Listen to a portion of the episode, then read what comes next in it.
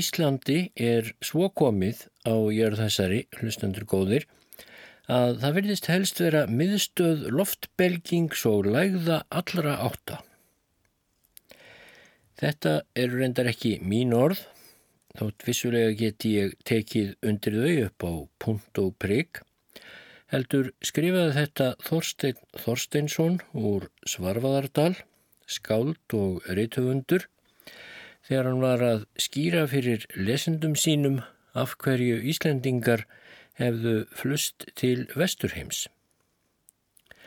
Það er kunnara en fráþurfa að segja að á ofanverðri 19. öldinni fluttust þúsundir manna frá Íslandi til Vesturheims og settust þar að, flest í Kanada og svo Bandaríkjunum. Lengi vel voru tengsl hinna brottflutnu við heimaland sitt mikil og náinn, að mista kosti hjá flestum, en það segir það sig sjálft að það er náttúrulega erfitt að rýfa sjálfan sig upp með rótum og koma sér fyrir í nýri jörð. Öðvitað saknar jörtin nú eða maðurinn hinnar gömlu moldar sem hún óks upp í. Núna er farið að trostna um þessi tengsl vesturheims búa við gamla landið en það eru meira en hundrað ár síðan vesturferðir af þessu tægi lögðust að langmestu leiti af en tengslinn eru þó alls ekki með öllu úr sögunni. En árið 1939 komu nokkrir íbúar Vestanhafs af íslensku bergibrotnir saman á fundi í Winnipeg og ákvaðu að gera gangskur að því að láta skrifa sögu Íslendingana sem flust höfðu til Vesturheims undan liðna hálfa öld og eftir nokkrar vangaveltur var ákveðið að felaverkið Þorsteini Þorsteinsinni. Þorstein hafði farið til Ameríku árið 1901, þá réttliðlega tvítugur. Hann og unnusta hans á sama aldri ætluðu saman að freysta gefunar í Ameríku, en hún vektist þegar haldaskildi úr höfn og var ekki ferðafær, svo hann fór einn með skipinu en hún ætlaði að koma ári setna. Það var þó aldrei því hún dó úr sjúkdómi sínum. En Þorstein gerðist húsamálari Vestanhafs en fegst líka við skáldskap og hann þótti á sínum tíma og í sínu umhverfi alveg dágott skáld.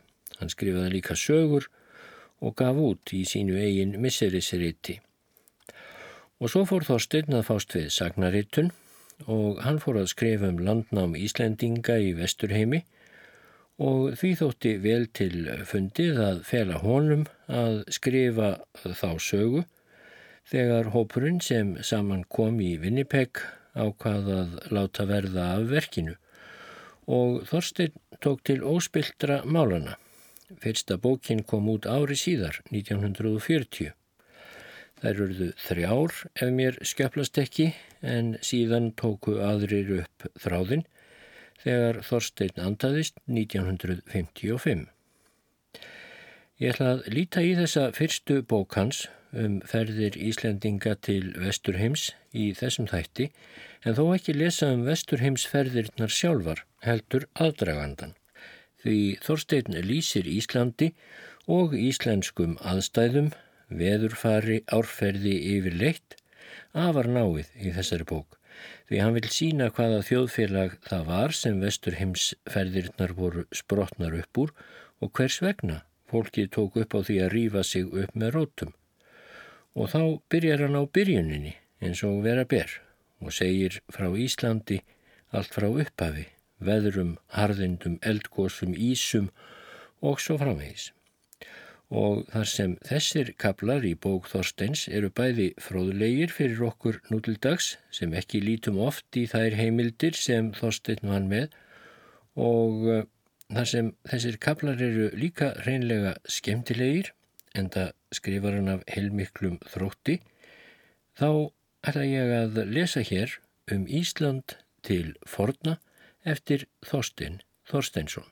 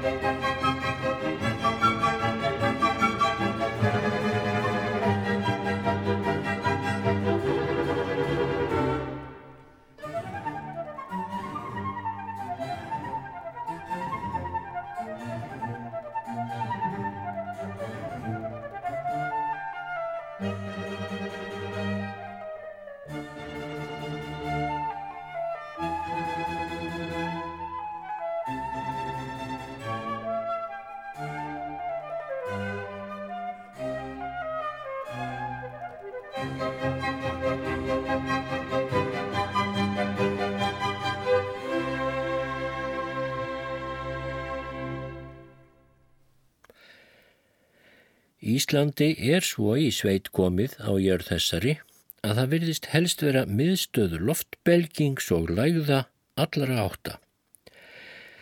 Þar skellur saman válindum veðrum í skollaleik og smá skærum og stór orustum höfuðskeppnana inn í djúpum og fagrum dölum og víðlendum sveitum uppi á sveipríkum fjöllum og fellum, niðri á luktum fjörðum og opnum flóum og myndstiftum, ströndum og annisjum. Mjög er þó veðrum þessum mískipt á landið og sjaldan sama veður í öllum fjórðungum þess.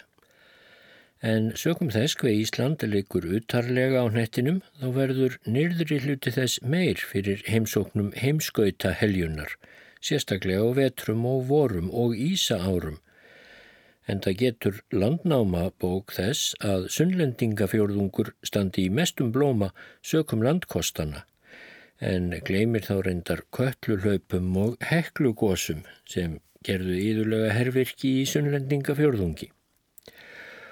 Og votviðrin þar og íllrissingslegir umleipingar Suðurnesja hafa sömuleiðis margan þreytt. Þingegjarsísla likur óskíld fyrir opnu Íshafi og tegir sig jafnvel norður í það en það hafa þingeisk skáld líklega skrifað einsmarkar hríðarsögur og allar hinnar síslutnar til samans.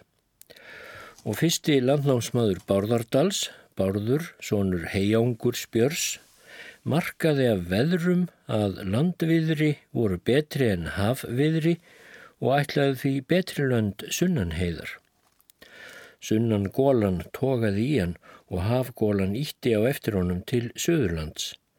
Hann nam síðar fljótskverfi og bjóðað gnúpum því var hann kallaður gnúpabarður, segir í landnámu. Má af þessu marka að strax á landnámsöldinni fyrir meirinn þúsund árum hafa veður þótt nokkuð harðaleikinn á Norðurlandi. Landnámið á Íslandi er hafið sökum landrýmis sem höfðingjum hefði en ekki vegna gróðursældar og veðurblíðu. Þó allmikið sé talað um skógin millir fjáls og fjöru sem þakti Ísland fyrstu árin, þá hefur hann að mestu verið orðin minning einn þegar sögurnar voru skráðar ár hundruðum síðar, eins miskunarlaust og á skóginum var nýðst frá fyrstu tíð. Flesta forgöngumenn landnámsferðana frá Noregi og vestanum haf rak nöyður til að yfirgefa ættjörð sína og óðul, sökum ráðuríkis og ofbeldis huga Haralds konungs Hárfagra, Hóldánarssonar Svarta, sem öllum gerði þá Hitlers kosti að þjóna sér eða fara úr landi eða þá láta lífið og í Vesturlöndunum, Írlandi, Skotlandi og Vesturhafsegjunum voru norðmenn eða vestmenn að missa tangarhald á nýbyggðum sínum og nýstofnuðum vikingaríkjum. Blíðu sumir þaðan beint til Íslands, engu síður en frá Noregi. En það var ekki fríðar að venda fyrir óvinni Haralds konungs nokkur staðar þar sem ríki hans stóð fyrir Vestanhaf. Áður en landnám var hafið á Íslandi 874 með útkomu þeirra fóstbræðra Ingóls Arnarssonar og Leifs Róðmarssonar er byggðu sér skála að höfðum þeim sem síðan eru við þá kentir, þá var þegar búið að drepa úr hór á Íslandi. En það mun hafa verið eftir að nattottur vikingur, bróðir Öksnaþóris frá augðum, nefndi landið Snæland og Garðar Svavarsson hinn sænski reisti bæi að Húsavík á Skjálfanda og einn manna hans náttfari, annan bæi í Náttfaravík. Eftir Garðari hlautan landið nafnið Garðars Holmi um tíma. En sámaður er svo slisni hendi að fella fésitt og landinu gaf síðan það kaldanabn sem við það festist, segir landnámabók að væri vikingur af Rógalandi nefndur Flóki, kallaður Hrafnarflóki og segir svo um hann þeir Flóki sigildu vestur yfir Breiðafjörð og tóku þar land sem heitir Vassfjörður við Barðaströnd. Fjörðurinn var fullur af veiðiskap og gáðu þeir eigi fyrir veiðum að fá heiana og dó allt kvikfíða þeirra um veturinn. Vor var heldur kallt, þá gekk flóki upp á fjalleitt hátt og sá norður yfir fjöllin fjörð fullan af hafísum. Því kvölluðu þeir landið Ísland sem það hefur síðan heitið. Reyndist svo snemma að landkostir Íslands voru rýrari en þeirra landa sem flutt var frá. Sumur voru kaldari og vetararíki meira og lengra. Hefur það löngum reynst ótryggt að treysta á sjálfvalagöngu fjár á vetrum á Íslandi. Þótt sögur segja að þær hafi hefnast í einstöku stöðum í einmuna tíð. En fleiri munu óskráðar sögur hungurdauðans sem af því leiti að setja á Guð og gattin allt frá fyrstu tíð og fram á okkar daga. Þótt harðæris og mannfellis sé förðu sjaldan getið í fornsögum Íslendinga og þáttum og landið sé yfirleitt lofað meira en lastað, þá er það mjög skiljanlegt. Sögurnar eru orðnar munnmæli minja og minninga og fornrar fræðar, marg sagðar frá kyni til kynns, þegar þær loks eru ritaðar upp ljómandi hið innra af ættarmetnaði, þjóðarhotlustu og föðurlandsást sem sjaldan er byrt með orðum en lesin þess betur milli línana. Og sögurnar eiga það með sönnu að þær eru ekki að vola fyrir einu eða neinu. Þær eru sögur hetjanna sem þóldu raunirinnar með sömu hugpríðinni hvort sem þær sigruðu eða töpuðu. Og þessi er saga megin þorra íslensku þjóðarinnar, alþýðunar, hvað mikið sem hún hefur mátt þóla. Það er hinn forna kynfylgja sem byrtist jafn sönn fyrir þúsund árum eins og núna í endurreysnar starfi Íslendinga, bæði heima á fróni og í landnámi þeirra hér í vesturheimi. Þóttu með þessu kunni þeim að þekja mikið sagt sem glöggast þekja þjóðfélagsmein þessara síðustu daga. En hér vísar þósteinn til þess að síðari heimsturjöldin var nýhafinn þegar hann skilaði frá sér handritinu að þessari sögu Íslendinga í Vesturheimi. En hann helt áfram þau sömu megin sem nú segja til sín grófu um sig til forna og þekkjast í sögunum. En í viðbæti landnámabókar úr skarðsbók stendur Óaldarvetur varð mikill á Íslandi í heðinni Í þann tíma er Haraldur konungur gráfeldur fjell en Hákon Jarl tók ríki í Noregi um 976. Sá óaldar vetur hefur mestur verið á Íslandi, þá átum en hrafna og melrakka og mörg óátan íll var jétin, en sumir létu drepa gamalmenni og ómaga og rinda þeim fyrir hamra. Þá sultu margir menn til bana en sumir lögðust út að stela og urðu fyrir það sekir og drefnir. Þá vóust skóarmenn sjálfur því það var lögtekið að ráði Eyjóls Valgarðarssonar að hver frelsi sig sem drepur þrjá seka. Áttatíu vetrum síðar varð annað ó áran. Það hófst þann vetur er Ísleifur Gissurarsson tók biskupsvíkslu af Alberto Brema biskupi um 1056. Það var um daga Haralds konungs Sigurdssonar í Noregi. En þann fyrsta vetur er Ísleifur var biskup á Íslandi var manndauði sem mestur á Íslandi af sulti. Þá var allt það getið sem tönn festi á. Þá var svo snjó mikið kvarvetna að menn gengu flestir til alþingis. Á því ári er Gissur biskup Íslefsson andaðist 1118 gerði hallæri mikið á Íslandi. Þá kom hríð svo mikil á dimbildögum að menn máttu eigi veita tíðir í kirkjum í sumum stöðum og héröðum fyrir Norðanland. Föstu daginn langa tók upp knörr undir eigafjöllum og snaraðist hann á loft og kom kvolvandi niður. Hann var 6 rúm og 20. Páskadaginn fyrsta máttu fáur menn sækja tíður og taka þjónustu í kirkjum en sumir sem reyndu að komast til kirkju hurðu úti döðir. Annað ílviðri kom svo um sömarið eftir andlát biskupsins. Þann dag er menn reyðu á þing í síðar hluta júnimánaðar og þá braut kirkju á þingvöllum, þá kirkju sem Haraldur konungur Sigursson eða hinn Harðráði hafði látið högva viðin til.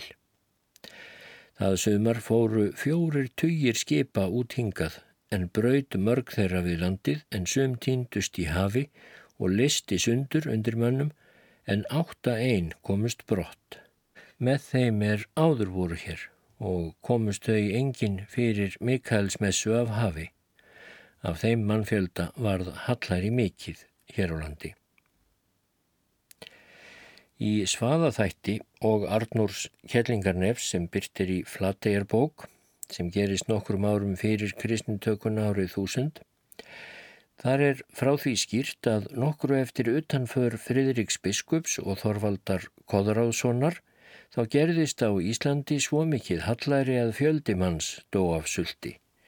Segir fyrir hluti þáttarins frá svaðabonda hinnum ríka og hefðina að svaðastöðum í skagaferði og þorvarði spakböðvarsinni hinnum kristna er bjóðað ási í Hjaltadal og sagan rekur hvernig þorvarður frelsaði hinn að fátækumenn er svaði hafði látið grafa djúpa gröf sem hann ætlaði þeim gistingu í en varð svo hinsti kvildarstaður hann sjálfs. Þorvarður reisti svo fyrstu kirkju Norðanlands að ási árið 984.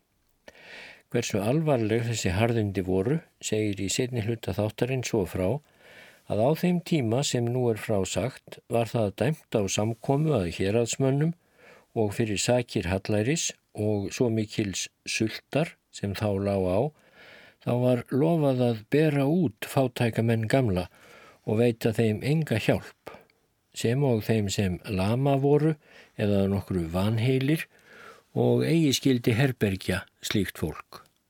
En þá gnúði á hinn snarpasti vetur með hríðum og gnýstandi veðrum.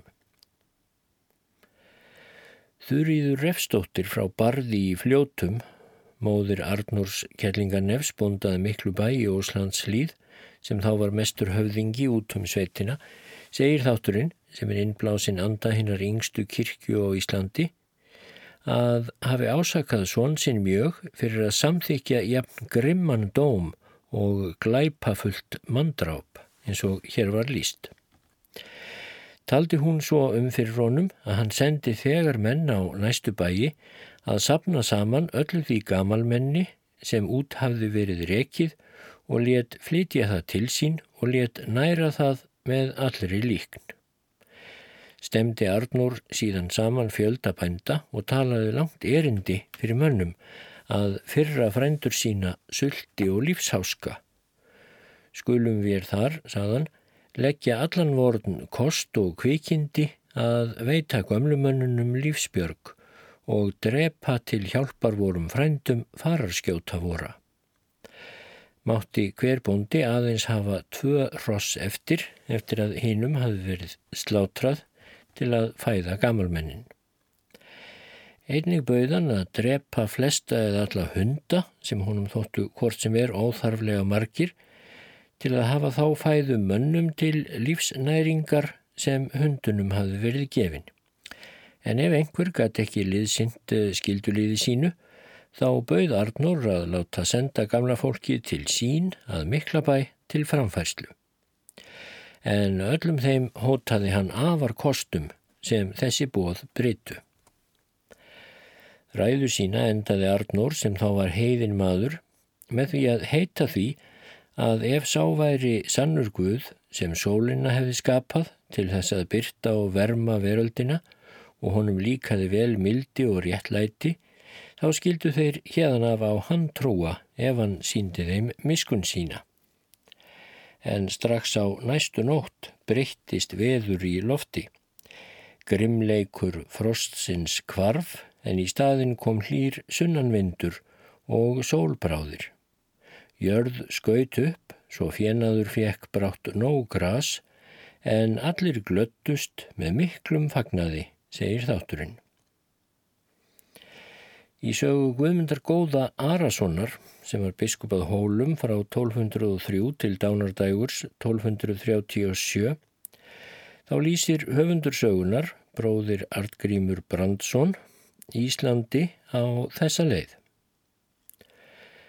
Greindur Guðstjórn var biskup á því landi er bækur kalla Tíle en norðmenn nefna Ísland. Má það og vel segjast eiginlegt nafn þeirra reyjar því þar er ís í nóg bæði lands og lagar. Á sjónum likja slíkir hafísar að með sínum ofnægilegum vexti taka þeir að fylla norðurhöfin en yfir háfjöll landsins likja svo óbræðilegir jöklar með yfir vættis hæð og vitt að þeim mun ótrúlegt þykja sem fjarrri í Íslandi eru fættir. Undan þeim falljöklum fellur með atburð stríður ströymur með frábærum flöym og fúlasta fnig, svo að þar af deyja fugglar í lofti en menn á jörðu eður kvikindi. Og svo eru fjöll önnur á þessu landi er úr sér verpa ægilegum eldi með grimmasta grjótkasti svo það brak og bresti heyrir um allta landið. Kann þessari ógnað fylgja svo mikið myrkur forviðris að um hásumarum miðdegi sér eigi handagrein. Það fylgir þessum fádæmum að á sjálfu hafinu, viku sjávar undan landinu, hefur uppkomið af eldganginum stort fjall en annað fjall sökk niður í staðin. Keldur vellandi og brennisteinn er þar í nóg. Skóur er þar engin, utan björg og þó lítils vakstar. Korn vex á fáum stöðum sunnanlands og eiginum að bygg. Fiskur, vaðdregin og búnitt er þar almenningsmatur. Ega þessi likur svo norðarlega undir dýraring himinsins að hennar neðri hluti hefur í sumum stöðum samhaldin dag með sólskinni, björtu mánuð eður meir í enda tvíburamerkisins og upphafi krabbans.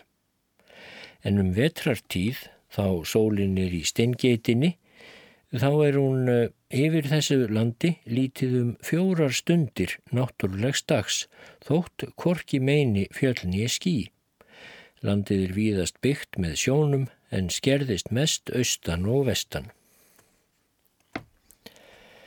Þessi einkennilega lýsing á Íslandi frá 13. öld minnist ekki einu orði hinnar miklu og sérkennilegu fegurðarlandsins sem þó hefur verið hinn sama þá og nú. Vel má skilja, þótt ekki séðað með orðum sagt, að höfundinum finnst landið vera á takmörgum þess hvort lifandi sé á því eða ekki. Og að undanskildu orðfæri og stílsmáta þá gæti þessi lýsing vissulega vel verið ingangur að bráð slóttugri útflutningsræðu á síðasta fjörðungi 19. aldar, ræðu einhvers Ameríku agentsins sem átti fyrst að ræða almúgan á öllu heima áður en lofdýrðar lesturinn hofst um sælulandið í vestri. Samt er svo sem engin ástæða til að álýta lýsingu þessan einn skrög frá höfundarins hendi. Annálar og fornbref sanna þessa lýsingu í mörgum greinum og lýsa mörgu ægilegu öðru en hún stingur samt nokkuð í stúfi lýsingar Íslendingasagna á landinu frá fyrsta árhundruði landnámsins og lengur en var reytaður lengur setna. Þótt þar séð vísu á stökustad sagt frá harðinda árum og mannfelli og skefna. Nú eru skóarnir sem sagðir voru millir fjáls og fjöru, þeir eru hornir og ekki eftir nema smá björg en kornirkjan í landinu aðeins byggakrar á fámstöðum sunnanlands, segir hann. Ef sögurnar segja satt, þá er það ekki allt lítilsvakstar björg, hvað sem eik og ösp og fleiri trjátegundum líður, sem landið var vaksið til forna og hafskipin voru smíðuð úr, bæði norðanlands og sunnan. En uh, þessir getið í heimildum að svarfdælir hafi smíðað hafskip úr svarfdælskum efniviði fram í tungunni utan við hálsin sem likur norður af stólnum og hétt skipið Íslendingur. Til kjalarins var höfð eiksú sem stóð niður í, eikibrekku fyrir ofan blakkskerði. Segir þar hvað svo sem er að marka þá heimild. En hvað Akuryrkju víkur við, þá er það víst að akrar voru mjög almennir á söguöldinni á Íslandi eins og forn örnefni og akurgerði sanna. Á Norðurlandi er frægastur vitaðskjafi glúmsbonda að þverra á í eigafyrði því hann brást aldrei að gefa góða korn uppskeru. En fáttumundi nú um hann vitað ef ekki hefði glúmur átt og mæltað um hann sem í minnum er haft. Í Svarfaðardal sem stendur opinn fyrir Norðurhafi og er snjóþingsla sveit mikil, þótt fögur sé á sömrum, Þar eru enn ímis örnefni tengd við akkur, þótt fleiri munu úr minni liðin. Eru þar enn gardarlög framann úr fornöld, sunnan til í brekkum og hólum sem tæpast geta verið annað en vörstlugarðar utanum akrana. Veðrátta virðist í hafa kólnað á þessum öldum sem þá voru liðnar frá landnámsárunum og fram um miðja 13. öld þegar höfundur Guðmundarsögu lýsir landinu á svo hrollveikjandi hátt. Veldur því óefað mikill missir skóana sem voru högnir niður sem hráfiði strax og sest var að í landinu og engu eirt sem ínáðist fyrir en öllum trjám var eitt og síðast rifið kjarrið og hrísið sem þótti of smátt til högs en svo er einnig líklegt að loftkvöldi hafi heldur aukist er leið á aldirnar.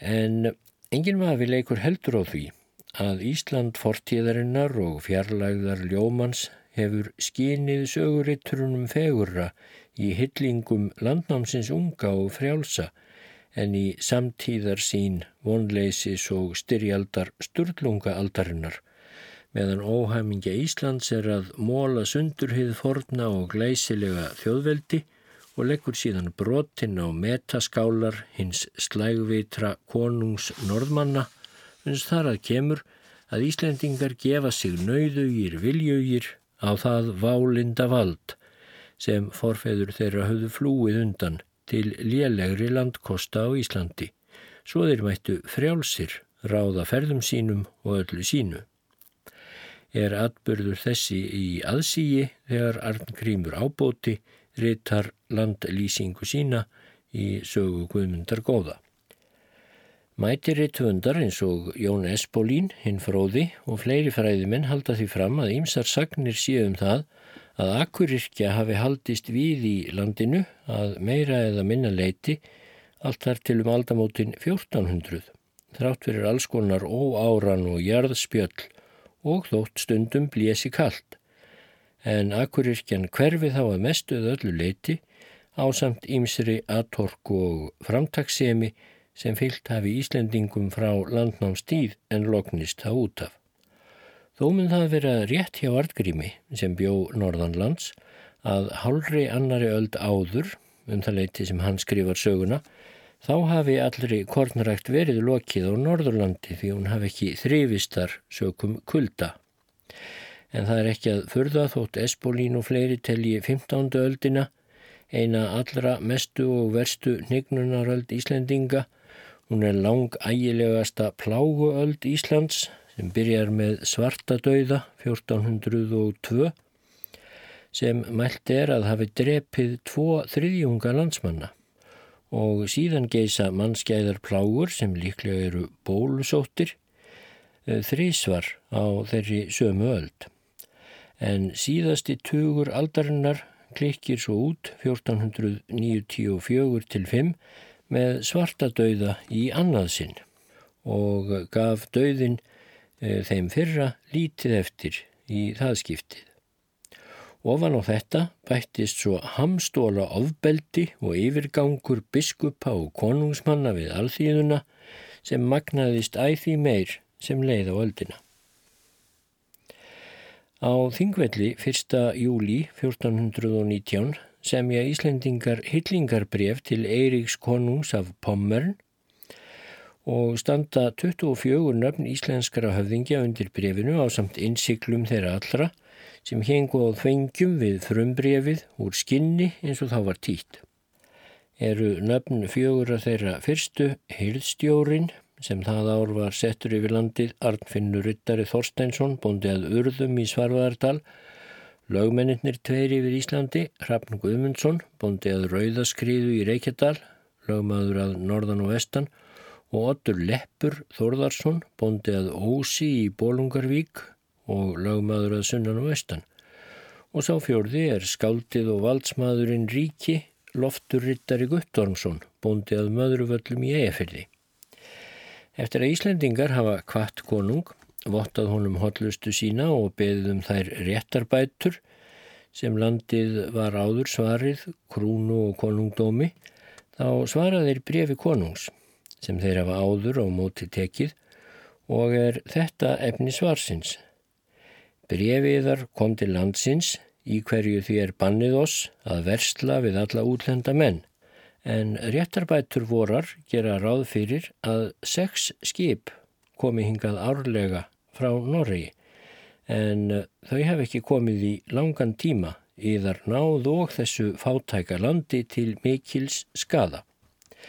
Þess vegna höfum við neðst til þess upp á Guðs náð og yðar tröst að versla við þá útlenda menn sem með fríði hafa farið og rétt um reikningskap og til hafna hér á Íslandi hafa sylt en þeim duggurum og fiskurum sem rænt hafa og gert ófríð hér á landi höfum við látið refsa.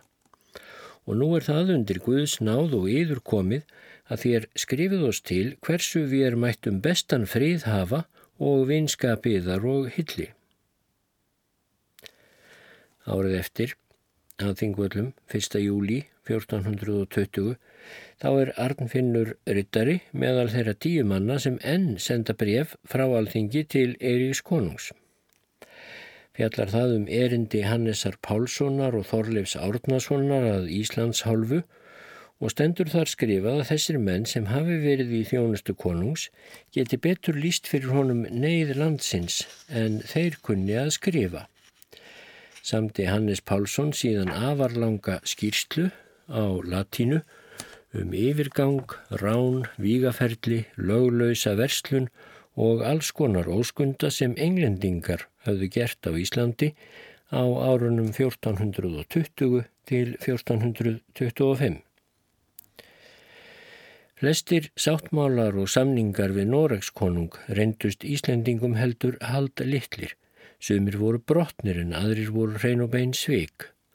Oft var það Ára eftir ára að ekkert þeirra vestlunarskipa sigildi til landsins sem konungur var skildugur til að senda. Svo Íslendingar urðu hann að hvort að versla í óleifi konungs við hvern kaupa hérðin sem böðst og að landi kom eða þá að standa upp í allslausir og ráðalausir. Og ekki batnaði stórt þegar landið komst síðar undir eh, danastjórn því þá tók við algjert skilningsleisi, kæruleysi og vanþekkinga og kjörum landsmanna en þó sérstaklega á menningar ástandi þessu andlegum verðmætum. Leit danski hrókin sigur gleiður á tötra allslausrar íslenskrar alþýðu og fyrirleit hana. En viss ekki að hún stóð stór dananum langtum framar að þjóðlegu viti, norrænum erðametnaði og íslenskri bóklist. Því þessi fátækasta þjóð heimsins frelsaði öll Norðurlönd meðan Danir seldu frumburðarétt sinn mót suðrænu glísi og glimdu tungu forfæðrana. Að Íslendingar fundu sárt til hins rótfasta eldgamla danska skilningsleisis sínir svo saga sem hvert barn kunni og hafð varað orðtæki á Íslandi. Einu sinni, þegar Hallæri geisaði á Íslandi svo fólk fjall niður í hrönnum, þá voru drottningunni í Danmörku sagðar fréttirnar sem var þetta að orði því borðar fólkið ekki brauð og smjör heldur en að deyja úr hungri. Og eftir að hafa sagt þessa sögu sem bersýnilega er afbökkunn af frægri sögu sem eh, sögð var um Maríu Antonettu drottningu í Fraklandi en hún átti að hafa sagt þegar hún stóð anspænis hungursneið alþýðunar í Fraklandi og var tjáð að fólkið ætti ekki fyrir brauði þá á hún að hafa sagt en hví borðar það ekki kökur. Þessi saga er reyndar lígimál eitt en eh, hvað sem því líður hún hefur greinilega verið heimfærð upp á Ísland og er komin þarna í sögu Íslandinga í Vesturheimi eftir Þorstein Þorsteinsson En eftir þessa sögu þá vikur hann sögunni að eldgósum á Íslandi og byrjar með miklum þrótti. Strax í fornöld létu eldfjöllin og jökulhlaupin til sín taka á Íslandi.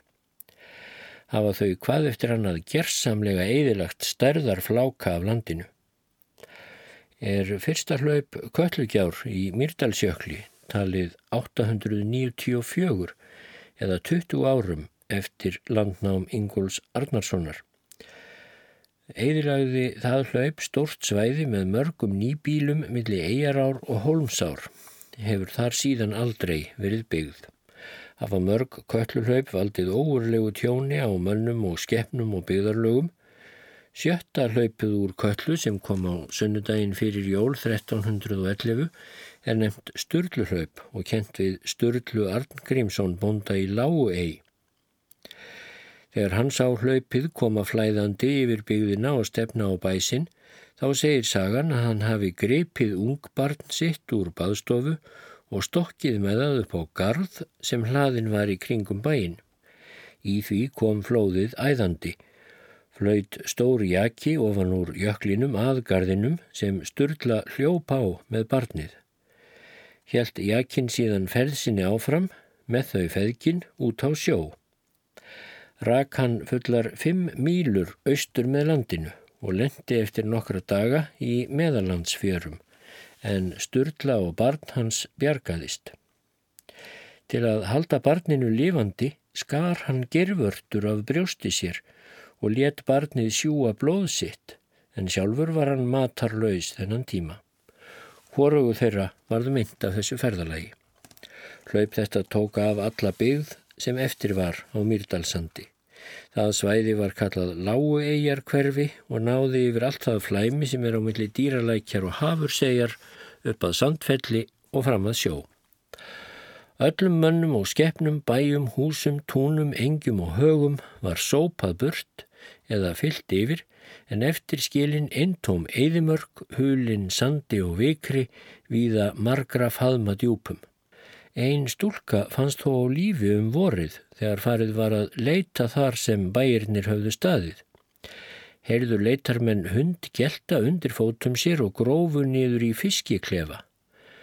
Afði stúlkan og hundurinn verið stödd í þessu húsi þegar hlaupið kom og heldist yfir bæin og ekki var stúlkan verð að sér en það, segir sagan, en að hún vissi hvaða mánadardagur var þegar hún fannst.